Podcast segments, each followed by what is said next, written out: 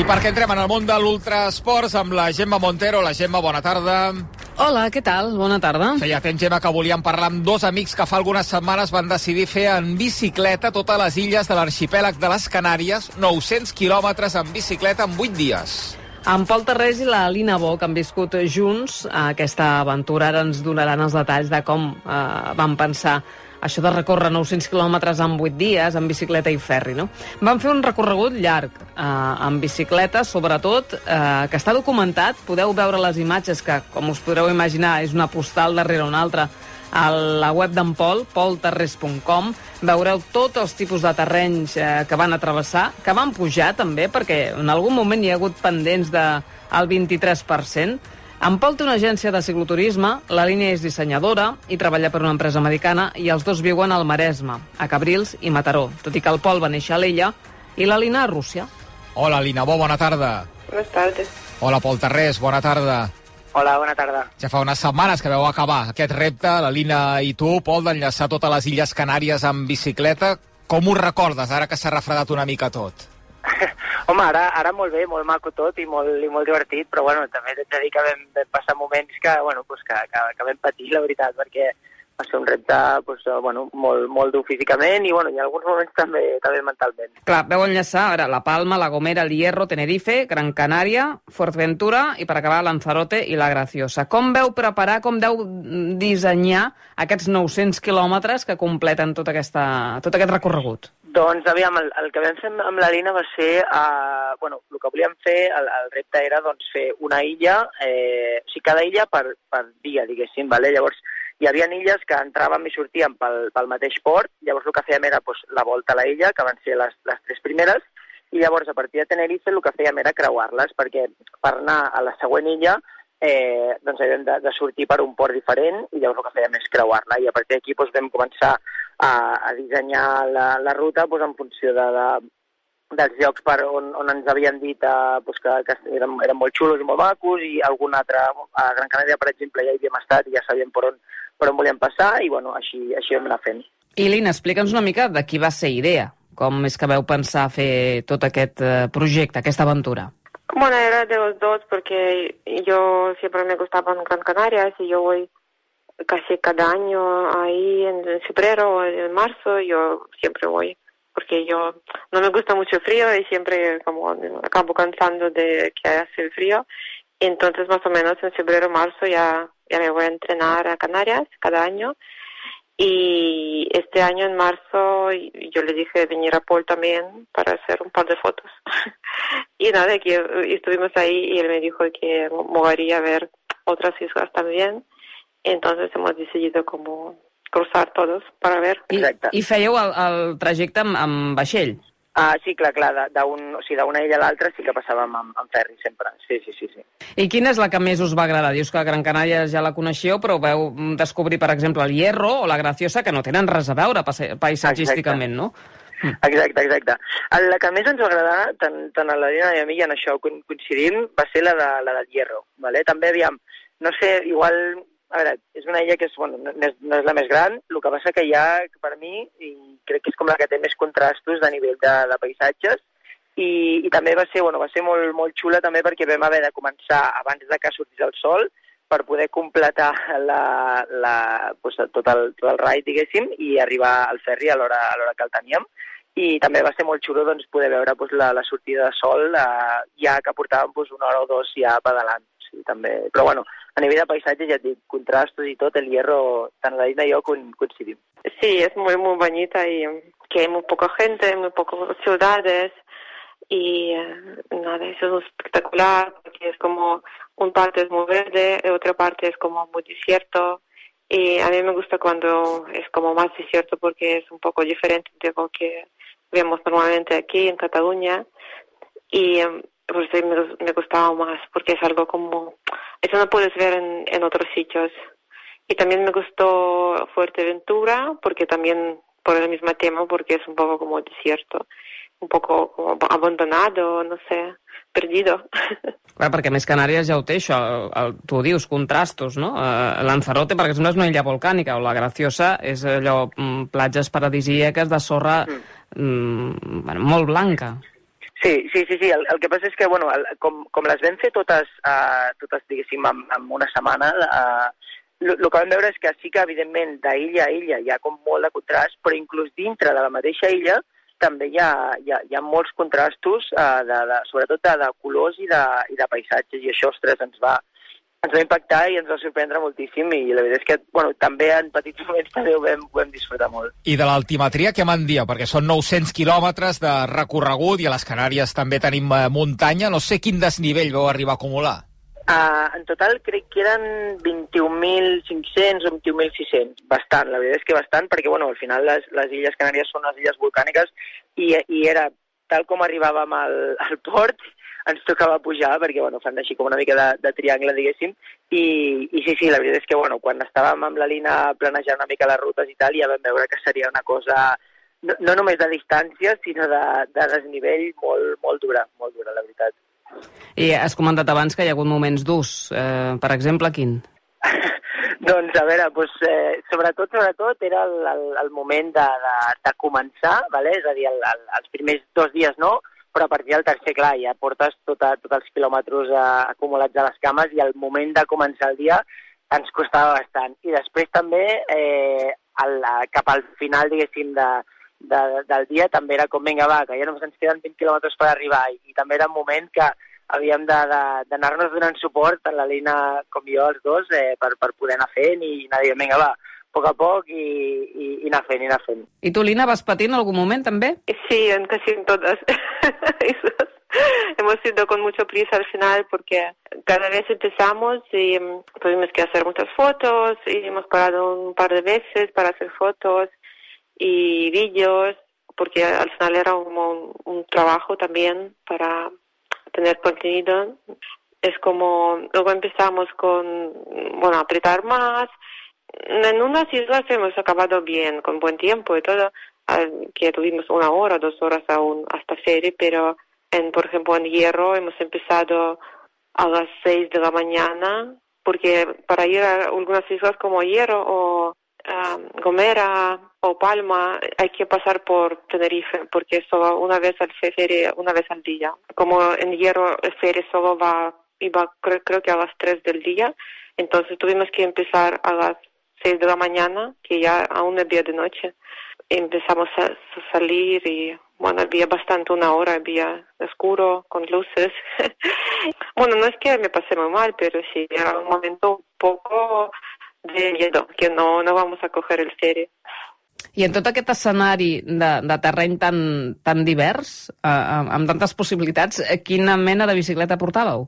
Uh, hemos ido con nuestras bicicletas, que somos embajadores de Pinarego, Hemos ido con, con bicis de carretera, los dos, y eh, luego en la última isla hemos alquilado una como de mountain bike, pero hemos, la idea era alquilar una bicicleta de montaña, pero hemos visto unas bicicletas que son tan monas, porque son muy raras, nunca he visto bicicletas así, son como con ruedas muy pequeñas, pero anchas y son eléctricas y parecen como una moto pequeña hemos alquilado bicis que son eléctricas y luego cuando empezamos a ir dimos cuenta que menos mal que hemos alquilado eléctricas porque había mucha arena, pero muchísimo, como una playa.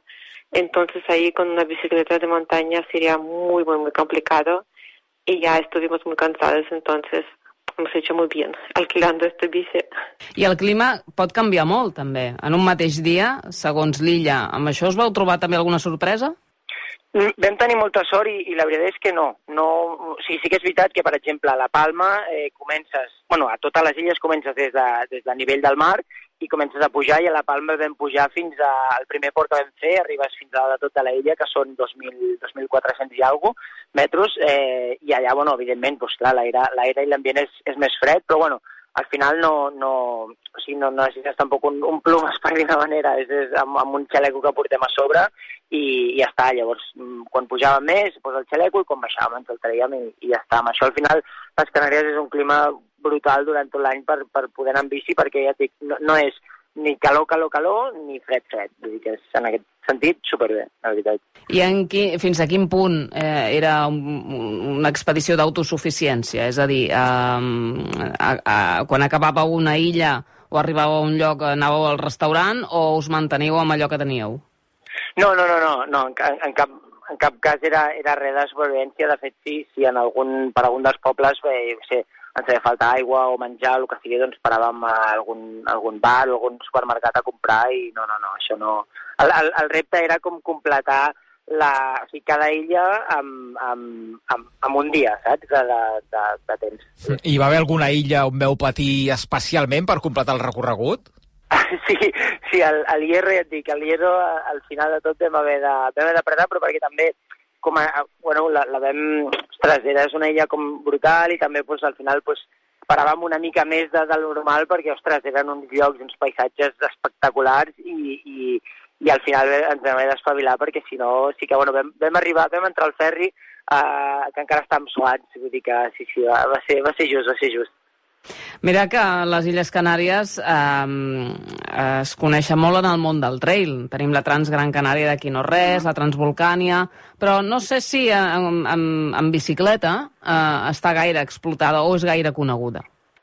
Aviam, sí que hi ha, per exemple, Gran Canària i Tenerife són, són dos llocs que, que tant, tant equips professionals com, com bueno, gent professional de, del ciclisme hi va molt, hi va molt entrenar perquè al final doncs, durant tot l'any tens unes condicions brutals, hi ha molta, molta desnivell per poder entrenar molt fort també, que això també és, és important.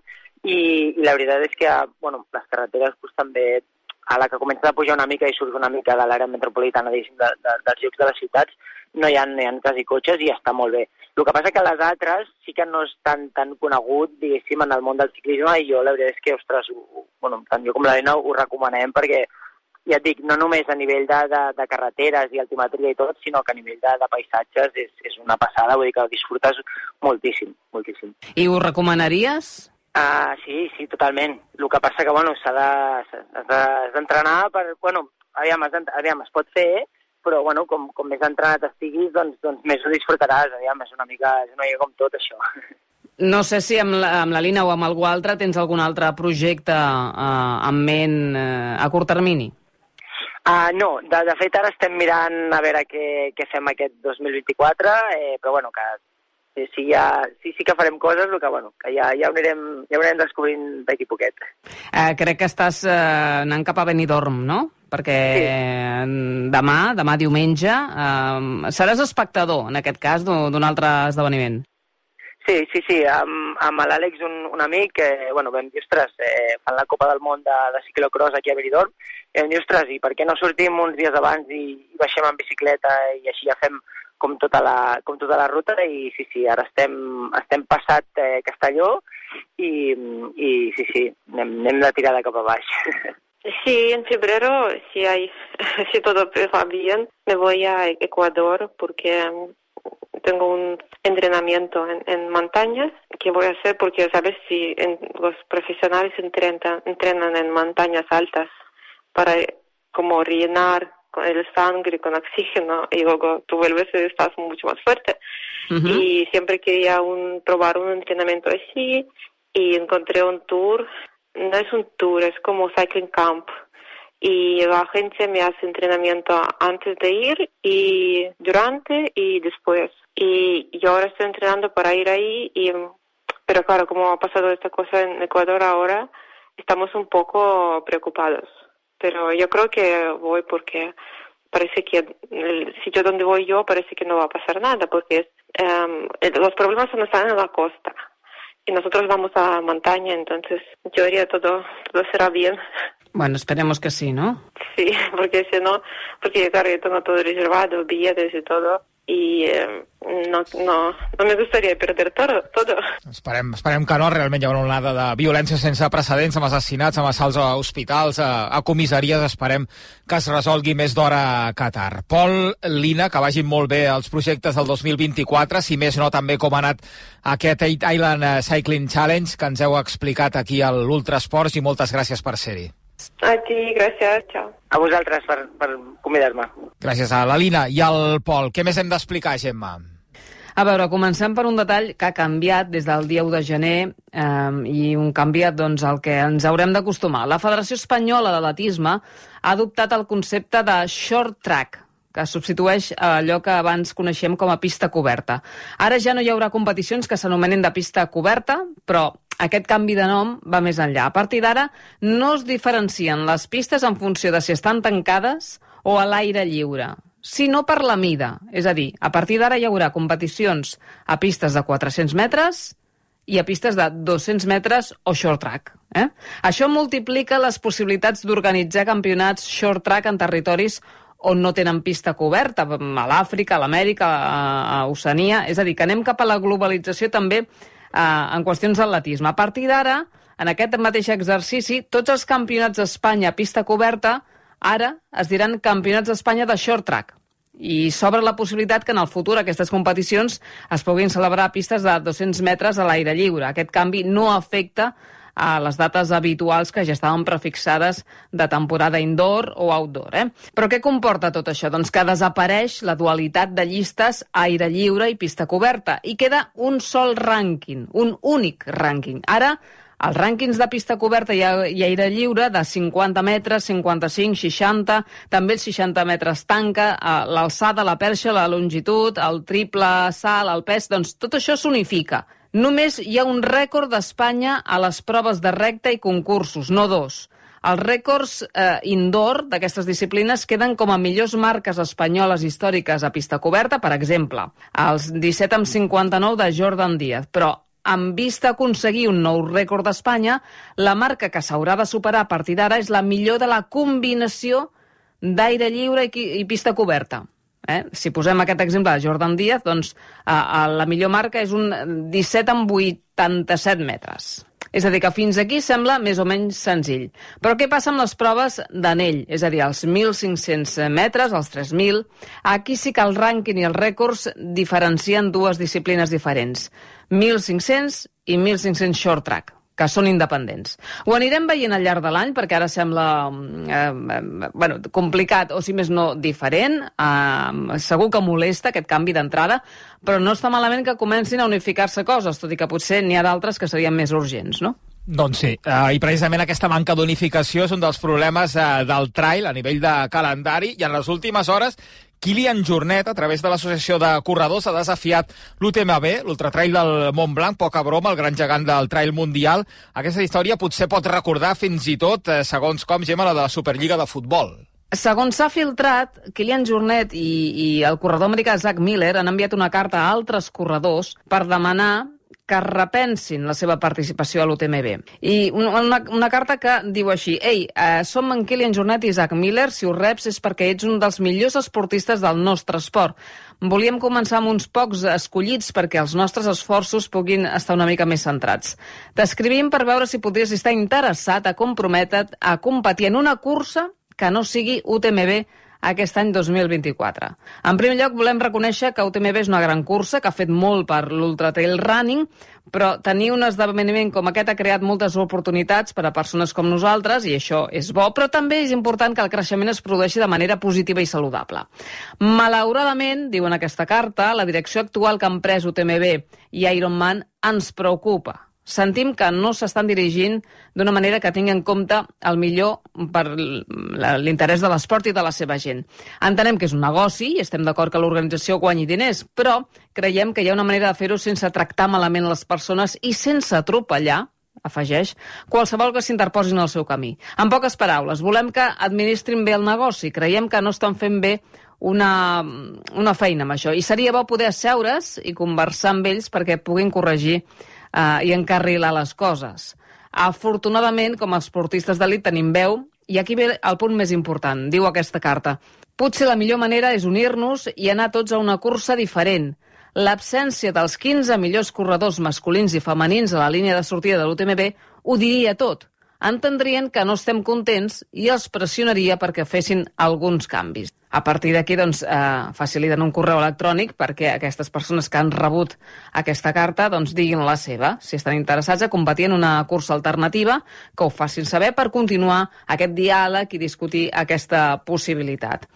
Eh, és cert que hi ha molts corredors que no estan d'acord amb el sistema de puntuació, per exemple, no? de, de l'UTMB, amb l'exigència del circuit, amb els preus, amb la sostenibilitat, però caldrà veure si això té conseqüències. Mm, déu nhi si més no és l'inici d'una possibilitat de plantar cara a un gegant com és l'UTMB, de potser canviar les coses, veurem també com respira la gent del trail a partir d'aquesta carta sobre aquesta idea de l'associació Pro Trail Runners. I per acabar, felicitem la Claire Bangworth, que ha guanyat l'Spin Race, rebaixant en 5 hores el temps anterior, una autèntica barbaritat, i felicitar també la Núria Piques, que acaba tercera dels 56 quilòmetres de la Hong Kong Sen, que és la primera prova de la World Trail Majors 2024. Doncs és d'aquí que les felicitem des de l'Ultrasport i atenció perquè falta poc ja per la mitja marató de Barcelona. Tenim el Pariser que gairebé eh, corre per aquí la redacció també perquè no para de preparar la marató de Barcelona, aquest repte que s'ha autoimposat eh, aquesta temporada, tot just tres setmanes per aquesta mitja marató i menys de dos mesos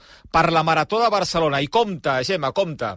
Sí, tenim la mitja ja a tocar i per la marató falta poquet, però si eh, us heu oblidat de fer la inscripció, si us ho esteu repensant a última hora, sortegem dues inscripcions per la marató de Barcelona 2024 que s'ha de fer el dia 10 de març. Atents al Twitter de l'Ultrasports, arroba ultrasports-baix, us direm què és el que heu de fer per eh, guanyar una d'aquestes dues inscripcions, un d'aquests dos dorsals. Serà molt fàcil, només haureu d'enviar un tuit a, a arroba ultrasports baix i la setmana que ve, al pròxim Ultrasports, direm qui són els guanyadors. Dos dorsals, per tant, per la Marató de Barcelona que posem en joc, atents, eh, per tant, arroba ultrasports eh, guió baix. Ara sí, Glenn Miller, quan vulguis.